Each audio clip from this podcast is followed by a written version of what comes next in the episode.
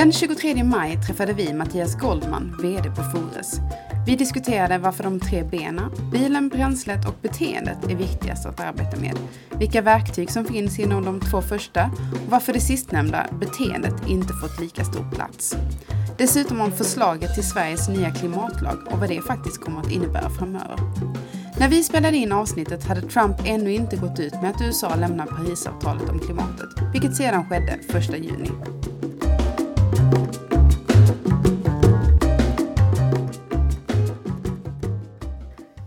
Och välkomna till Esplanad, en podd om staden, trafiken och framtiden producerad av Trivector. Jag heter Caroline Ljungberg. Och jag heter Christian Dumén. Och i vårt förra avsnitt så träffade vi HG Westberg som är Sverigeförhandlingens förhandlingsperson eh, och diskuterade Sverigeförhandlingen, vad det är för någonting eh, och vad det kommer att leda till. Och om höghastighetstågen faktiskt kommer att bli verklighet framöver eller inte. Och idag så gästar vi tankesmedjan Fores kontor där vi träffar vdn Mattias Goldman, även välkänd talare och debattör. Han driver även 2030-sekretariatet, det nationella sekretariatet för uppföljning av arbetet med fossiloberoende fordonsflotta 2030.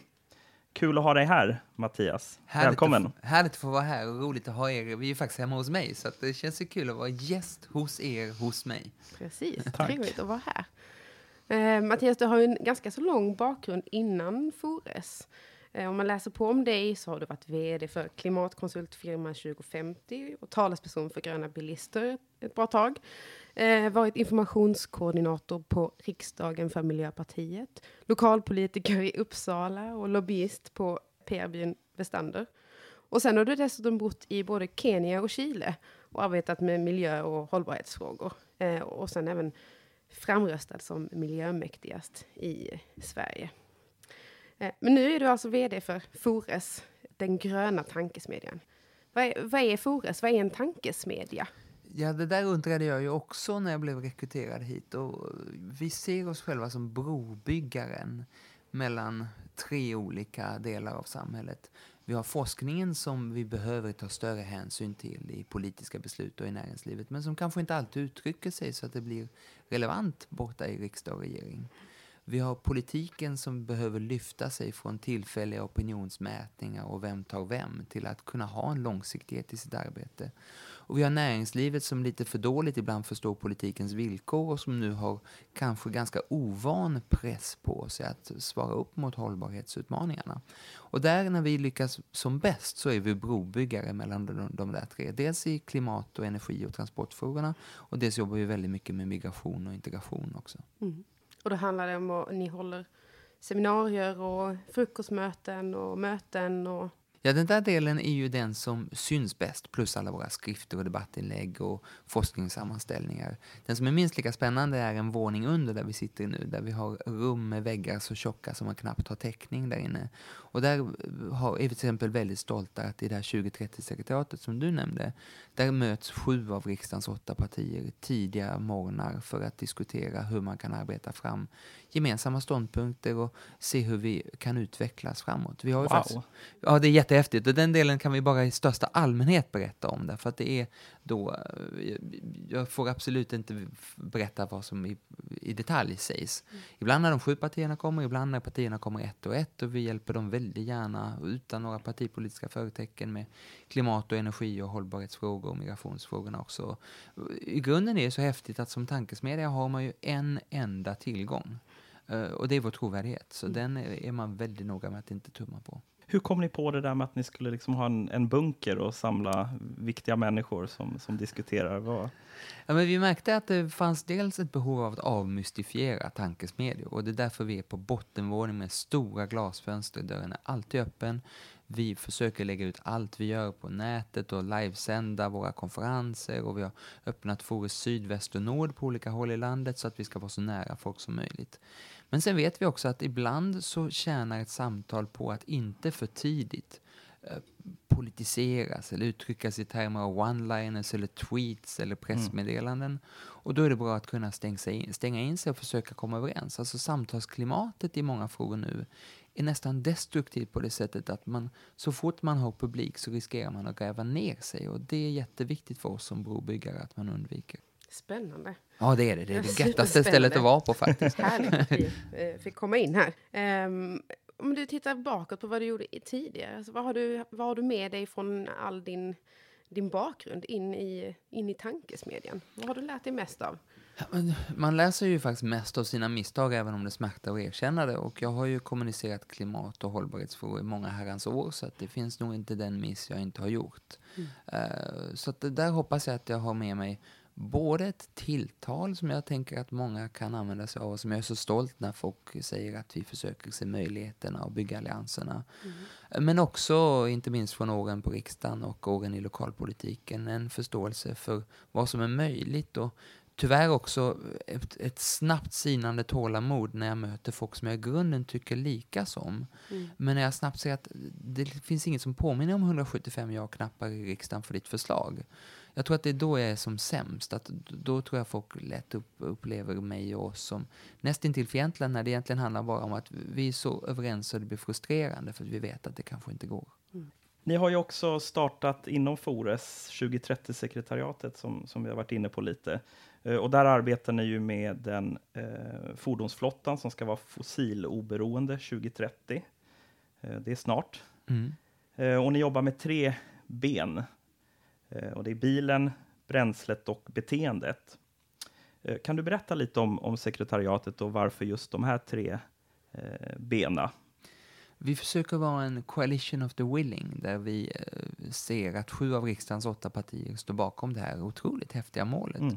Vi ser, och jag har pratat själv på flera av FNs klimatkonferenser om det här målet, vi ser att omvärlden inspireras och säger här behövs det ledarskap. Och Sverige är sugna på att ta på sig den där ledartröjan. Och så ser vi att det behövs några som hela tiden driver på, utvärderar och eh, berömmer det som är bra och eh, säger att här behövs det skärpas. Och hela det här målet det kom sig av först att allianspartierna satte det som en ganska allmän paroll. Och sen att de efter mycket tjat från bland annat oss eh, tillsatte en statlig utredning som redde ut vad är fossiloberoende fordonsflotta. Ja, men det är 80% minskad användning av de fossila bränslena vilket motsvarar ungefär 70 minskad, använd- minskad eh, koldioxidutsläpp från transportsektorn. Och när den här utredningen väl kom, då slog vi näven i bordet och sa att det här får inte bli en av alla de här ungefär 100 statliga utredningar om, om året som blir hyllvärmare, utan det här ska bli av på riktigt. Mm. Och eh, jag var själv inte alls förberedd på vilken bredd det har blivit i detta. Vi har över 60 partners från jätteduktiga transport och trafikkonsulter som Trivector till stora energibolag, till bränslebolagen, till ledande bilfabrikanter, till nästan 40 kommuner som vackert får dela på en enda stol när vi har möten så att vi inte blir för många. Och så har vi då som sagt sju av riksdagens åtta partier som är med som referensgrupp. Så det där har gett, och, och det är häftigt också där att vi är ett sånt litet land. Sverige 10 miljoner invånare med knapp nöd va. Mm. Så det är bara när vi är riktigt, riktigt duktiga som vi är relevanta. Och det har man märkt att det där 2030 eh, ansatsen och vårt eget arbete i sekretariatet har gett oss en relevans som gör mig stolt som svensk. Alldeles snart så kommer ju den nya klimatlagen i Just det. riksdagen, 15 juni. Och då har vi ett klubbslag i riksdagen också som slår fast att vi ska vara världsbäst på att ställa om transporten. Och vi har 60 företag och kommuner och så som verkligen står i startgroparna för att fixa detta. Just det. Vi ska, vi ska återkomma till eh, klimatlagen lite Mm. längre fram tänkte vi. Men, men de här tre benen, vad, är- vad är det som gör dem viktigast? Bilen, bränslet och beteendet. Jag har ju träffat genom åren så många fanatiker och i värsta fall har jag själv varit en sån också som tror att en lösning fixar allt. För några år sedan så var det någon som kallades för etanol-Jesus för att vad frågan än var så sa han tanka etanol. Nu märker jag ibland samma tendens från eh, elbilsgänget och jag tror att några av fanatikerna, eh, medelålders män i Lycra på cykelbanan också är övertygade om att cykeln löser allt. Vi hör ibland samma från kollektivtrafiken. Men när man sätter sig ner och gör kalkylen och ser vilket tufft mål vi har satt och dessutom ser att vi är ett glesbefolkat avlångt land så ser man att alla de här delarna behövs. Och vi fördelar bördorna på ungefär eh, lika. Bilen är ju alla fordonen förstås, de måste bli mycket effektivare. 1,6 ton mestadels plåt för att transportera 100 kilo människor, det är inte rimligt. Bränslet, ja men det behövs alla de smarta biodrivmedlen och elen. Men inte bara elen, därför att vi ska byta ut, det är snart som ni sa, vi ska ju byta ut även fordon som redan rullar. Ska, Mm. bli, ska bli bättre och då gäller det att man tankar dem med någonting de kan använda. Och sen beteende, att mycket av resorna bör minska till förmån för att man eh, är med på ett webbinarium istället för ett seminarium. Vi driver Jobba hemma-dagen till exempel. Och vi har fått med oss politiken på det här, så när, när eh, de sju partierna, regeringen nu men även oppositionen, driver frågan så har de, ser de samma fördelning framför sig mellan de här tre benen. Hur ofta ses man inom sekretariatet? Idag är en ovanlig dag därför att man sågs just innan uh, du kom hit, satt i det här eh, källarrummet med, med, med tjocka väggar och diskuterade ihop sig om politiken framåt. Sen ses vi i ad hoc-konstellationer. Mm. Uh, ganska ofta utifrån att politiken kallar. Politiken säger nu ska vi lösa det här med laddinfrastrukturen sätt ihop en bra konstellation ni på 2030 för ni verkar ju samla alla relevanta partners. Och sen har vi olika arbetsgrupper också som jobbar med frågan. Och då försöker vi leva som vi lär att oftast så ses man ju faktiskt inte utan man skypar eller mejlar bara. Mm. Eh, ett B som jag eh, funderar ganska så mycket på det är B beteendet. Mm. Um, och det har visat sig att beteendet kommer att göra väldigt stor skillnad om vi ska nå våra mål. Vi kan ju inte nå målen eh, bara genom ny teknik och nya bränslen, utan det krävs beteendeförändringar. Uh, men å andra sidan så har Trafikverket har inget uppdrag från regeringen att jobba med steg ett och steg två åtgärder som då innebär mycket uh, beteendeförändringsfrågor. Uh, vilket gör att det är väldigt svårt att få pengar uh, för att jobba med sånt här varför, varför är det så här?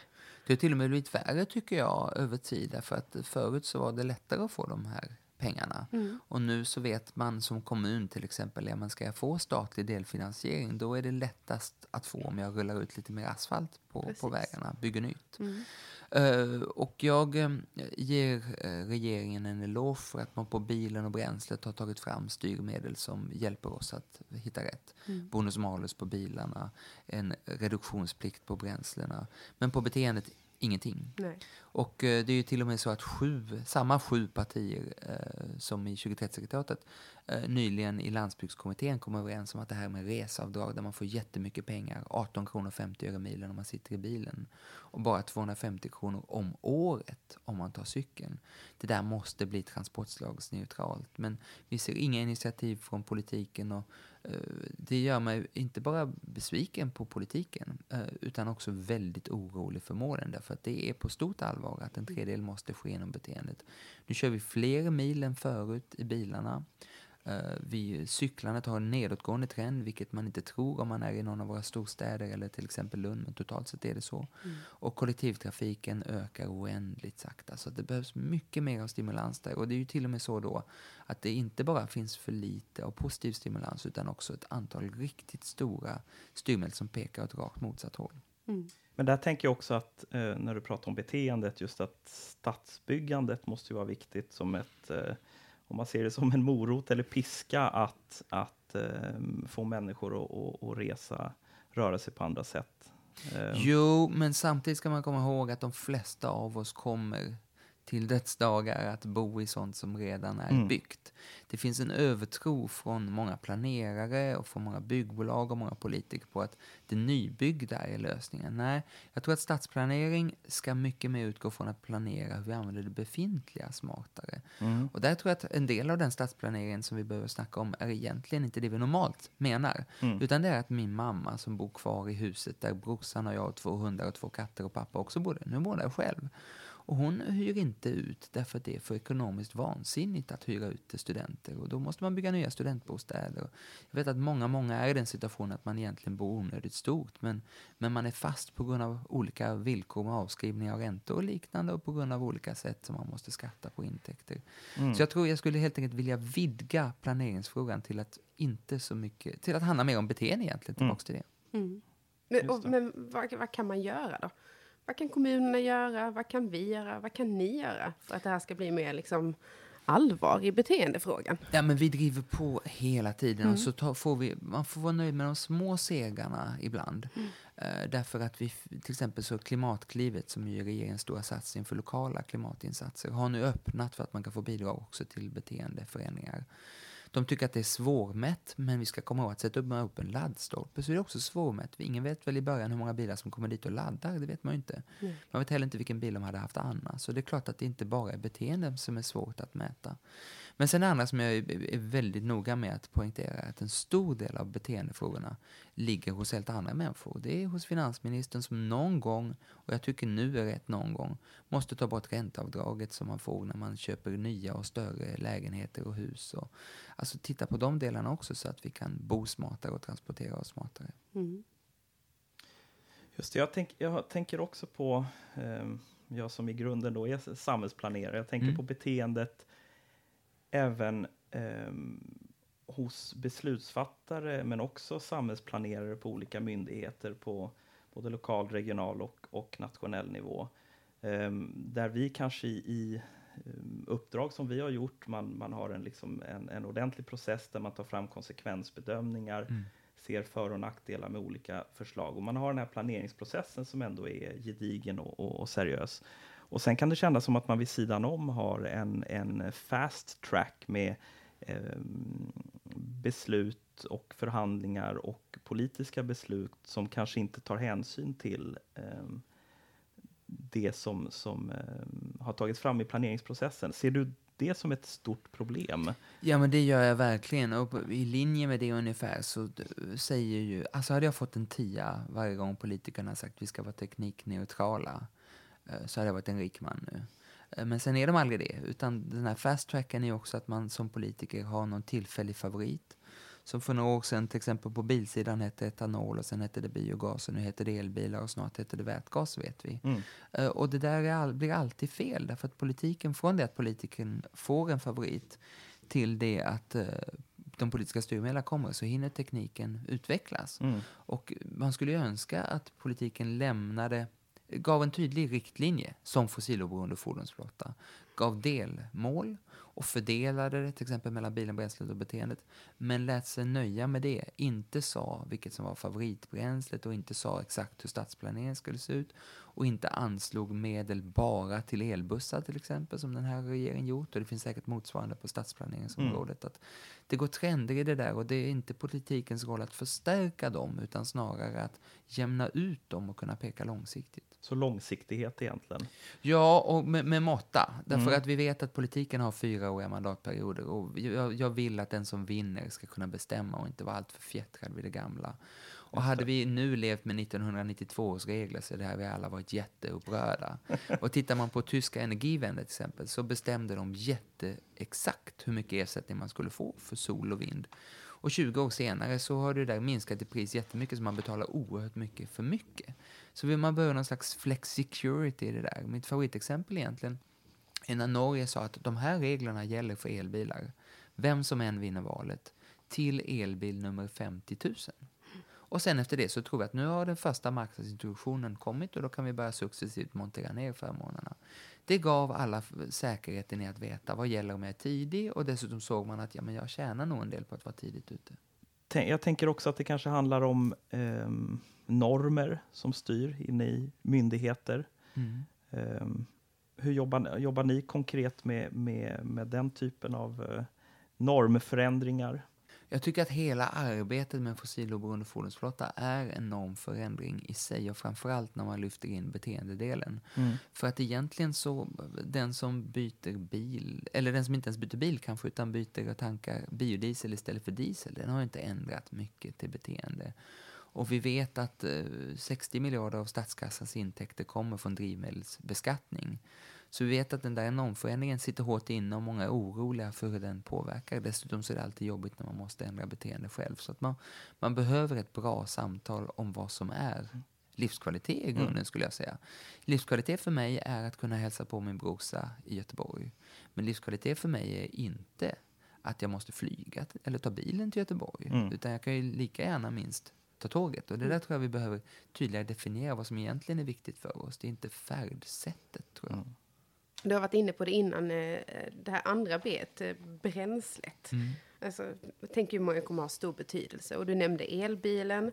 Ehm, att vi byter ut våra diesel och bensinbilar till elbilar. Men de här elbilarna kommer ju, tänker man på trängsel så kommer de ju ta lika mycket plats som vanliga bilar gör. Eh, och vi läste i ny forskning häromdagen från Oslo att en elbil ska köras i 60 000 kilometer innan den totalt sett blir lika ren som en motsvarande dieselbil. Eh, vad, vad, tänker du om det här? Är, är det framtiden, elbilarna? Nej, det är det inte. Nej. Därför att framtiden finns inte. Utan framtiden kommer, vi går från gårdagens enfald till morgondagens mångfald. Mm. Där elbilarna har en del. Och den där kalkylen du hade, den beror ju förstås på hur stort var batteriet i elbilen. Vad hade man annars haft för bil? Hur laddar man den? Hur grön var elen? Och sådär, va? Så mm. jag värjer mig mot den där typen av jämförelser. Dessutom beror den på hur mycket man viktar innerstadsluft visavi klimat och liknande. Bullereffekter är också mm. värdefulla att ta med. Men hur som helst ska man veta att elbilen har också en massa nackdelar kvar. Mm. Och just därför är det så himla viktigt att vi får kollektivtrafiken att bli attraktiv. Och det tror jag är jättesvårt. Mm. Därför att nu, redan i nuläget så vet vi att man tänker nästan bara på de rörliga kostnaderna när man har en bil. Och de är jättelåga för elbilen. Den totala kostnaden är inte så himla låg för värdeminskningen finns fortfarande kvar till exempel och andra grejer som garantier och service och sånt. Eh, men man jämför den rörliga kostnaden och då är det lätt hänt att man tycker att kollektivtrafiken är dyrare. Snart kommer då dessutom de självkörande bilarna och då blir det ännu mer så att bilen står där bara och tar mig till jobbet medan jag sitter och jobbar i bilen. Och de, om man då dessutom får reseavdrag i bilen men inte ordentligt på bussen och cykeln eh, och man kanske rent av kan ladda elbilen på jobbet, det vill säga det är arbetsgivaren som står för full tank så måste vi verkligen jobba stenhårt för att det ska bli attraktivt att jobba kollektivt. Jag tror att det här exemplet med mm, 60 000 kilometer, man hade jämfört en eh, motsvarande en, en dieselbil, hur mycket utsläpp hur mycket man släpper ut från, från hela produktionen. Mm. Och så hade man jämfört då med en eh, elbil, hur mycket som släpps ut från produktionen. Ja. Och att elbilens produktion var betydligt högre jämfört med dieselbilen. Och sen då hur Det är klart att elbilens som... produktion är betydligt högre, men de minsta elbilarna, eller de minsta elfordonen, som är elbilsliknande, de har ett batteri på 4 kilowattimmar. Mm. En Tesla, stor Tesla, har ett batteri på 100 kilowattimmar. Och det är batteriet i huvudsak som gör skillnad. Så du hör att där är det en faktor 25. Mm. Så man bara drar till med att en dieselbil och en elbil. Mm. Och sen beror det jättemycket på hur man laddar den. Vi ska ha elbilar i Sverige och i Norge med grön el. Man kan tycka vad man vill om kärnkraften och jag är skeptisk, men, men klimatmässigt är den grön. Men i Polen med 90% kol i nätet, där är det klart att där är det väldigt, väldigt svårt att köra in elbilens klimatnytta. Mm. Och till och med på europeisk genomsnittsel är det, är det tveksamt. Ja. Alltså man ska ladda den grönt. Mm. Andra menar ju att det här med självkörande bilar, att det är framtiden istället för elbilen och att det kommer ersätta kollektivtrafiken totalt. Eh, men den har ju liksom andra moraliska dilemman. Som att du kommer i en självkörande bil och så ska den välja om du ska köra på två barn som kommer springande ut i gatan eller om du ska köra rakt in i en lastbil och, och dö själv. Och där säger ju tillverkarna att de vill ju inte tillverka bilar där, där föraren dör eller där man dör när man sitter i, i bilen. Eh, vad tänker du om de här bilarna? Vi brukar ibland säga liksom eh, självkörande bilarna är svaret, men vad är frågan egentligen? Jag tror att det finns en väldig övertro på de självkörande bilarna där eh, en trafikinfarkt och en kö av självkörande bilar är precis lika jobbig eh, som en annan trafikinfarkt. Och, mm. eh, utrymmen som bilen behöver riskerar att bli större snarare än mindre. Och de utrymmeseffektiva fordonslagen dit ju självkörande bilar inte hör, mm. som kollektivtrafik och cykel riskerar att ta stryk. Mm. Därför att jag som eh, trots allt inte behöver vända på sista kronan, det är klart att det kommer att bli jätteattraktivt för mig att be om en självkörande eldriven, de kommer att vara eldrivna, självkörande eldriven bil som kommer och hämtar mig på morgnarna och kör mig till jobbet. Och sen så kör den dig och sen kör den dig och sen kör den min mm. dotter till skolan och sådär. Eh, men det blir en förfärlig massa resande. Jag tror både det resfria mötet och kollektivtrafiken riskerar att ta stryk och vi riskerar att få väl så mycket bilar på vägarna. Det moraliska dilemmat fäster jag lite mindre vikt vid därför totalt sett kommer vi att få mycket färre trafikolyckor ju mer bilen eh, väljer åt oss, ju mer bilen med noll reaktionstid får ingripa istället för oss med upp till en sekunds reaktionstid totalt sett när vi är så okoncentrerade som vi numera ofta är i trafiken. Mm. mm. Jag tänker att det också kommer påverka folkhälsan negativt med mm. de självkörande bilarna. Att det blir inga, inga gång och cykelresor till hållplatserna och till kollektivtrafiken. Så är det absolut. Mm. Man, man, glömmer bort att eh, för många så är, många av oss, inklusive mig själv, pratar alltid om all den här idrotten vi gör, men till vardags gör vi ju inte det. Utan den, den, den motion man är säker på att få till vardags, det är ju promenaden till kollektivtrafiken eller cykelresan till jobbet. Så den är faktiskt jätteviktig. Mm, det känns ju lite som med de självkörande bilarna att visst, de kanske löser en del av miljöproblemen, men man glömmer de andra delarna av hållbarhet. Den sociala hållbarheten. hållbarheten hur, hur vill vi leva våra vardagsliv? Vill vi ha massa bilar som, som kör runt? Um, ja, det kanske inte är lösningen helt enkelt. Jag tror verkligen inte det. Och sen, sen samtidigt ser jag, ser jag olika områden där det är bra. Alltså, det, I Norrlands inland så finns det ingen välfungerande kollektivtrafik. Det är långa avstånd. Och om man har de timmarna mellan Umeå och Dorotea som arbetstid mm. istället för bara att sitta bakom ratten. Så dels minskar dödligheten i trafiken och dels ökar produktiviteten och glesbygden blir mer attraktiv. Så på sina håll, men egentligen inte i städerna, så tror jag att självkörande bilar kan vara något väldigt fint. Mm. Och jag tänker i, i Stockholm har, har, man väl börjat med att och, um, rulla ut um, laddgator. Mm. Vilket såklart innebär att, att en del av gaturummet tas till, till parkering. Mm. Har, du no, har, har du haft några synpunkter på just, just det arbetet? Jag är förvånad över hur man profilerar elbilarna. Därför att du var inne på elbilskalkylen, att mm. liksom, klimatmässigt behöver man köra en elbil en bit innan, innan den går plus minus noll, innan den ger vinst. Det är samma för plånboken, att en elbil kostar en del extra. Det vill säga att man ska köra en del för att tjäna in den. Mm. Uh, och jag tycker att en elbil egentligen är perfekt för de där som har lite längre pendlingsresor. Om jag som bor i Solna skulle ta elbilen in till, till, till Stockholms centrum skulle jag aldrig kunna känna in den vare sig klimatmässigt eller ekonomiskt och dessutom tycka att här är inte bilar hemma egentligen. Mm. Så jag brukar säga att den som, den som bor i Robertsfors och jobbar i Umeå, den ska köra elbil förstås. Det är sju mil enkel väg, det klarar varenda elbil och man kan ladda på jobbet eller man kommer faktiskt hem på samma, på samma, på samma batteri utan laddning. Mm. Det är där de hör hemma framför mm. allt. Och här kommer ju diskussionen om stad kontra landsbygden eller landsbygder, som man hellre kanske pratar om, de är så olika. Mm. Um, där kollektivtrafik inte är ett alternativ. Men det finns, då finns det ju alternativ till, till uh, bensinbilen eller dieselbilen. Ja, det var någon som kände igen mig i Moskosel utanför Arvidsjaur. Och så sa de till mig just detta att uh, ni som pratar elbil pratar alltid om elbilar i städer. Mm. Men, sa han, jag ska säga till dig att sista macken har de stängt här. Men sista eluttaget har de fan inte tagit. och det ligger något i va? Landsbygden ja. är väldigt väl förberedd. Däremot mm. bor man på sjunde våningen så är det lång förlängningsstad innan man kan ladda. Just det. Eh, Mattias, du nämnde klimatlagen innan. Eh, och I början av året så la regeringen fram ett förslag om en ny klimatlag. Eh, och den baseras på Miljömålsberedningens förslag som innebär att Sverige ska ha ett netto nollutsläpp av klimatpåverkande växthusgaser år 2045. Eh, och förslaget innebär ett kvantifierat mål om att utsläppen från inrikestrafiken ska ha minskat med 70 procent till 2030 jämfört med 2010 års nivåer. Och det är första gången som man har tagit fram ett sånt här kvantifierat utsläppsmål för transportsektorn. Vad betyder det här för, eh, för Sverige och för klimatet? Jag tycker faktiskt det betyder att man kan vara stolt över att vara svensk. Därför att när vi har jämfört all världens klimatmål så är det här det tuffaste, det mest långtgående och det bredast förankrade. Det betyder att vi plötsligt blir långt relevanta, långt bortom våra 10 miljoner invånare. Och det betyder också, med, med delmålet 2030, att man kan gå till banken och säga att nu vet jag vad som gäller. Inte bara fram till nästa val, utan näst, näst, näst, näst, näst, nästa också. Det ger en trygghet för alla de där investeringarna vi behövs för att klara målen. Och det är en trygghet som inte finns på något annat område i svensk politik. Ta skola, ta försvaret, vad som helst. Va? Så undrar man vad gäller efter nästa val. Här och endast här har sju partier lyckats skaka hand tillsammans och säga att vem som än vinner så gäller detta. Och det, det känns fantastiskt bra. Hur har omvärlden reagerat? Har du haft några kontakter med resten av världen? Hur har de Om, omvärlden tror ärligt talat knappt att det är sant och Okej. vänt, Mm. väntar nog på att riksdagsklubban faller den 15 juni. Mm. Därför att eh, trots allt så är vi på en tankesmedja och eh, när vi säger det här tycker sju partier så säger de bevisa det. Mm. Och det går inte än för lagen är inte antagen.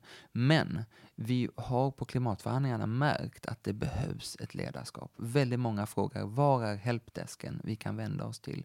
När vi, genom, när vi gick igenom all världens, varenda land har ju i samband med Parisavtalet lämnat in sina klimatlöften. Mm. Vi gick igenom dem, ungefär sju av tio har eh, klimatlöften på transportområdet. Ingen har lika långtgående som Sverige, men väldigt många behöver ta häng på någon och få förklarat hur det ska gå till. Och svensk industri säger också wow, det här är vår chans att liksom bli en global spelare. Till exempel så har vi med Scania i partner till oss. Och de eh, är ju en global spelare. Så de säger 3-4 procent av våra bussar och lastbilar säljs i Sverige. Det är en pyttemarknad. Men genom att den svenska marknaden är först ut i omställningen så gör de kanske med en buss här det de sen kan visa upp för New York och Peking och Kapstaden och då sälja i hundra eller tusentals. Så det är jätteviktigt för ett så litet land som oss att vara tidigt ute. Mm. Finns det något annat land som ligger liksom hack i häl, som man kan säga har andra eh, klimatlagar? Som Ja, det tycker jag fläckvis. Mm. Danmark bestämde redan på 70-talet att bli världsbäst på vindkraft. Det är de nu och det är deras största exportindustri. Norge är ju världsbäst på elbilar och nu ser man att allt ifrån elbilsforskning till underleverantörer och till var bilarna lanseras först. Mm. Då är svaret Norge. Indien har ett 2030-mål liknande Sverige av det enkla skälet att de importerar all olja och det finns knappt fysiskt olja nog Mm. om hela Indien ska bli mer rörliga än idag. Sverige ligger med andra ord väldigt bra till. Ja men det gör vi, för att till skillnad från de andra som jag nämnde så tar vi helhetsgreppet. Mm. Det är hela fordonssektorn. He, eh, hela fordonsflottan. De andra har mål för nybilsförsäljningen och det är så det ofta illustreras. Men det är att undervärdera det svenska målet. Det har också med tunga transporter att göra. Sjöfarten räckte frivilligt upp handen och sa att vi är med. Swedavia har räckt upp handen och sagt att de vill också åt det hållet. Och alla befintliga fordon som redan rullar där ute ingår också i målet och det är det som gör det så otroligt offensivt. Mm. Tänker, du nämnde tunga transporter. Det är annars någonting som man kan känna liksom har eh, hamnat lite bakom. Eh, är det fortfarande så, eller är de också med? De tunga transporternas representanter eh, delar eh, den känsla som jag läser in hos dig, att, att det händer för lite där. Det, det, man tänker nog från politikens sida lite till mans, oavsett parti, att det, det finns fler röster att hämta genom att gynna nya bilar än att gynna nya gröna lastbilar. Men klimatmässigt är det ju jätteviktigt. En lastbil går eh, 30, 40, 50 000 mil om året och släpper ut, eh, använder 3, 4, 5 liter bränsle per mil. Alltså jättemycket mer än en, än en enskild bil. Så klimatmässigt är det oerhört viktigt att jobba mer med än vad man gör. Man gör för lite. Vi ska inte glömma bort de tunga transporterna med andra ord. Exakt.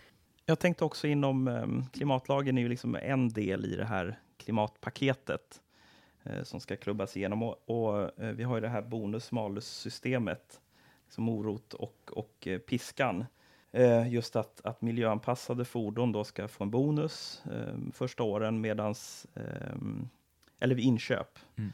Och ehm, miljöbovar, de ska ha en högre skatt. Ehm, vad tror du att det här kan ha för betydelse för att nå ehm, målet att, att med 70 70-procentig sänkning eh, av utsläppen? Bonus-malus tycker jag är ett mycket smart verktyg. Mm. Eh, och det är brett förankrat i politiken, vilket gör att vi vet att det lever länge.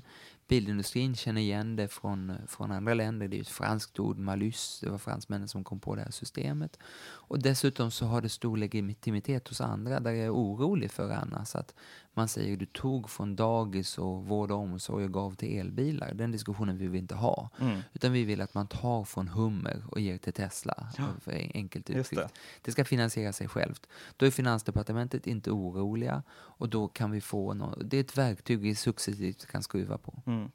Men um, vi var ju inne tidigare på um, stad och landsbygd.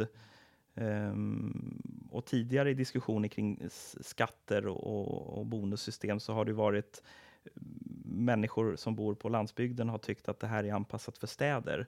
Uh, många människor är ju beroende av bilen idag. Uh, vad tror du, hur kommer det påverka relationen stad-land och eh, slitningar som kanske finns? Jag ser att våra vänner på bilbranschens organisationer ibland tar landsbygden i gisslan och, och har för sig att bara för att man bor på landet vill man vara sist kvar Mm. i fossileran. Mm. Det tror inte jag alls stämmer. Utan det är klart att man är beroende av bil på landet. Mm. Men man är inte beroende av att den är fossildriven. Utan tvärtom är det jätteroligt om bilen på landsbygden kan drivas av produkter från landsbygdens skogs och jordbruk. Och Mm. av vindkraftverken som snurrar runt om i vårt land till Mm. exempel. Visste ni det förresten att rotorbladen på ett vindkraftverk, en, ett varv med dem är en mil i en elbil.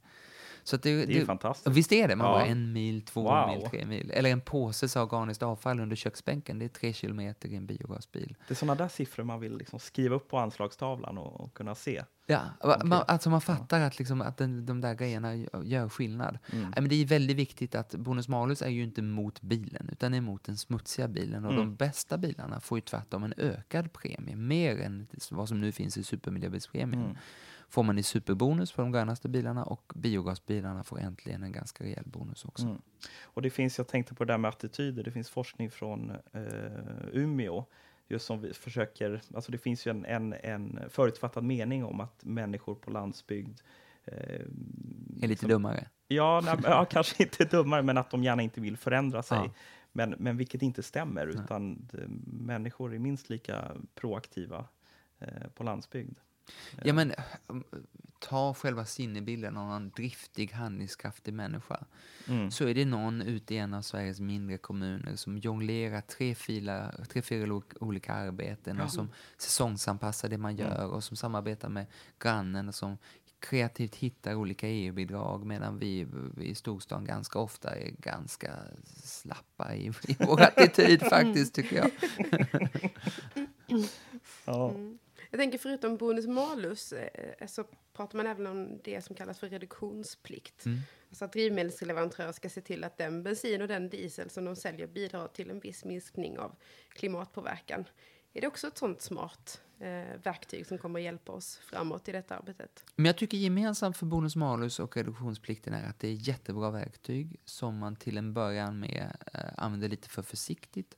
Och där är jag så glad att de partier som nu inte ingår i majoritet, de säger okej, vi är med på det här, men vi skulle vilja använda det ytterligare lite hårdare.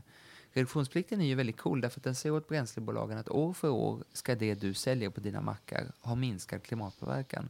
Men lös det som du vill. Mm. Man kräver inte en viss andel av det ena bränslet eller andra eller viss antal laddstolpar eller något sånt utan man låter marknaden fixa det här på bästa sätt. Det kan till och med vara så att om ett bolag gör mycket och ett annat mindre så kan det som gör onödigt mycket så att säga sälja sitt överskott till det som gör lite för lite. Mm. Det låter som att vi har en hel del, en hel del att göra framöver. Ja men vi börjar få en del verktyg Mm. på plats på bilen och bränslet Precis. och så är det ju rätt ut att på beteendet så saknar vi motsvarigheten. Mm. Jag tänker också att det är väldigt mycket runt omkring oss som påverkar oss och klimatet. Och det är digitalisering, migration, delningsekonomi, cirkulär ekonomi. Eh, och, och sen har vi ju andra krafter som eh, att Trump leder världens mäktigaste land och eh, att Storbritannien röstade igenom eh, Brexit. Eh, vad gör sådana här saker för klimatet? Vad, är, vad på, på, påverkar det också oss? På ett annat sätt än man omedelbart tror. Vi har Mm. den största årliga konferensen om hållbara transporter, Ekotransport, Mm. som har ett modelland varje år. Så då ringde vi redan i oktober till Kalifornien och sa grattis, ni är årets modelland. Och man kunde höra eh, genom telefonledningen hur ointresserade de var, Mm. hur lite spännande de tyckte det var. Eh, men sen eh, 7 november så vann ju Trump. Så då ringde de tillbaks från California Air Resources Board som är otroligt mäktigt och Kalifornien är världens femte största ekonomi Mm. ringde tillbaka och sa It's now a mission. Så de kom en hel delegation, de var här en hel vecka. Det finns nu ett Kalifornien-svenskt samarbetsavtal. De träffade finansmarknadsministern och trafikutskottet var de hos och massa olika avtal som är just det där att ibland behöver man en gemensam yttre fiende. Mm. Och vi har ju sett att Trump kan inte åstadkomma så mycket djävulskap som han hade velat. Nej. Det går inte så lätt som man trodde. Och så har vi sett å andra sidan att gud vad mycket vi skärper oss när vi har någon gemensam fiende. Så att, totalt sett är jag, tror jag nästan att Trump kan bli liksom, kan vi, vi kan sätta honom på pluskontot, vilket ju skulle förarga Mm. honom ännu mer. Så det skulle vara jätteroligt om det var så. Så du tänker att det totala klimatarbetet i USA exempelvis blir nästan större nu med en klimatskeptisk president. Det är svårt att förstå för oss, men USA är ju verkligen federalt. Mm. Och det allra mesta händer på delstatsnivå. Och delstaterna har en större frihet i USA än vad staterna i EU har att gå före. Och det ser man i Kalifornien och en hel radda andra delstater, att de gör långt, långt mycket mer än vad det federala gör. Och sen när Trump försöker vara eh, destruktiv eh, federalt, ja då ser han att de ekonomiska realiteterna stoppar honom ju. Han Mm. vill gynna kolet, men det går inte. Alltså, det blir för stora budgethål i att försöka göra det. Han vill förmodligen lämna klimatavtalet, men till och med hans egen utrikesminister, alltså ex-Exxon-chefen, säger att det vore för dumt för näringslivet, för nu har vi äntligen fått långsiktig tydlighet här. Så att mycket av det han vill, det kommer inte bli av. Mm.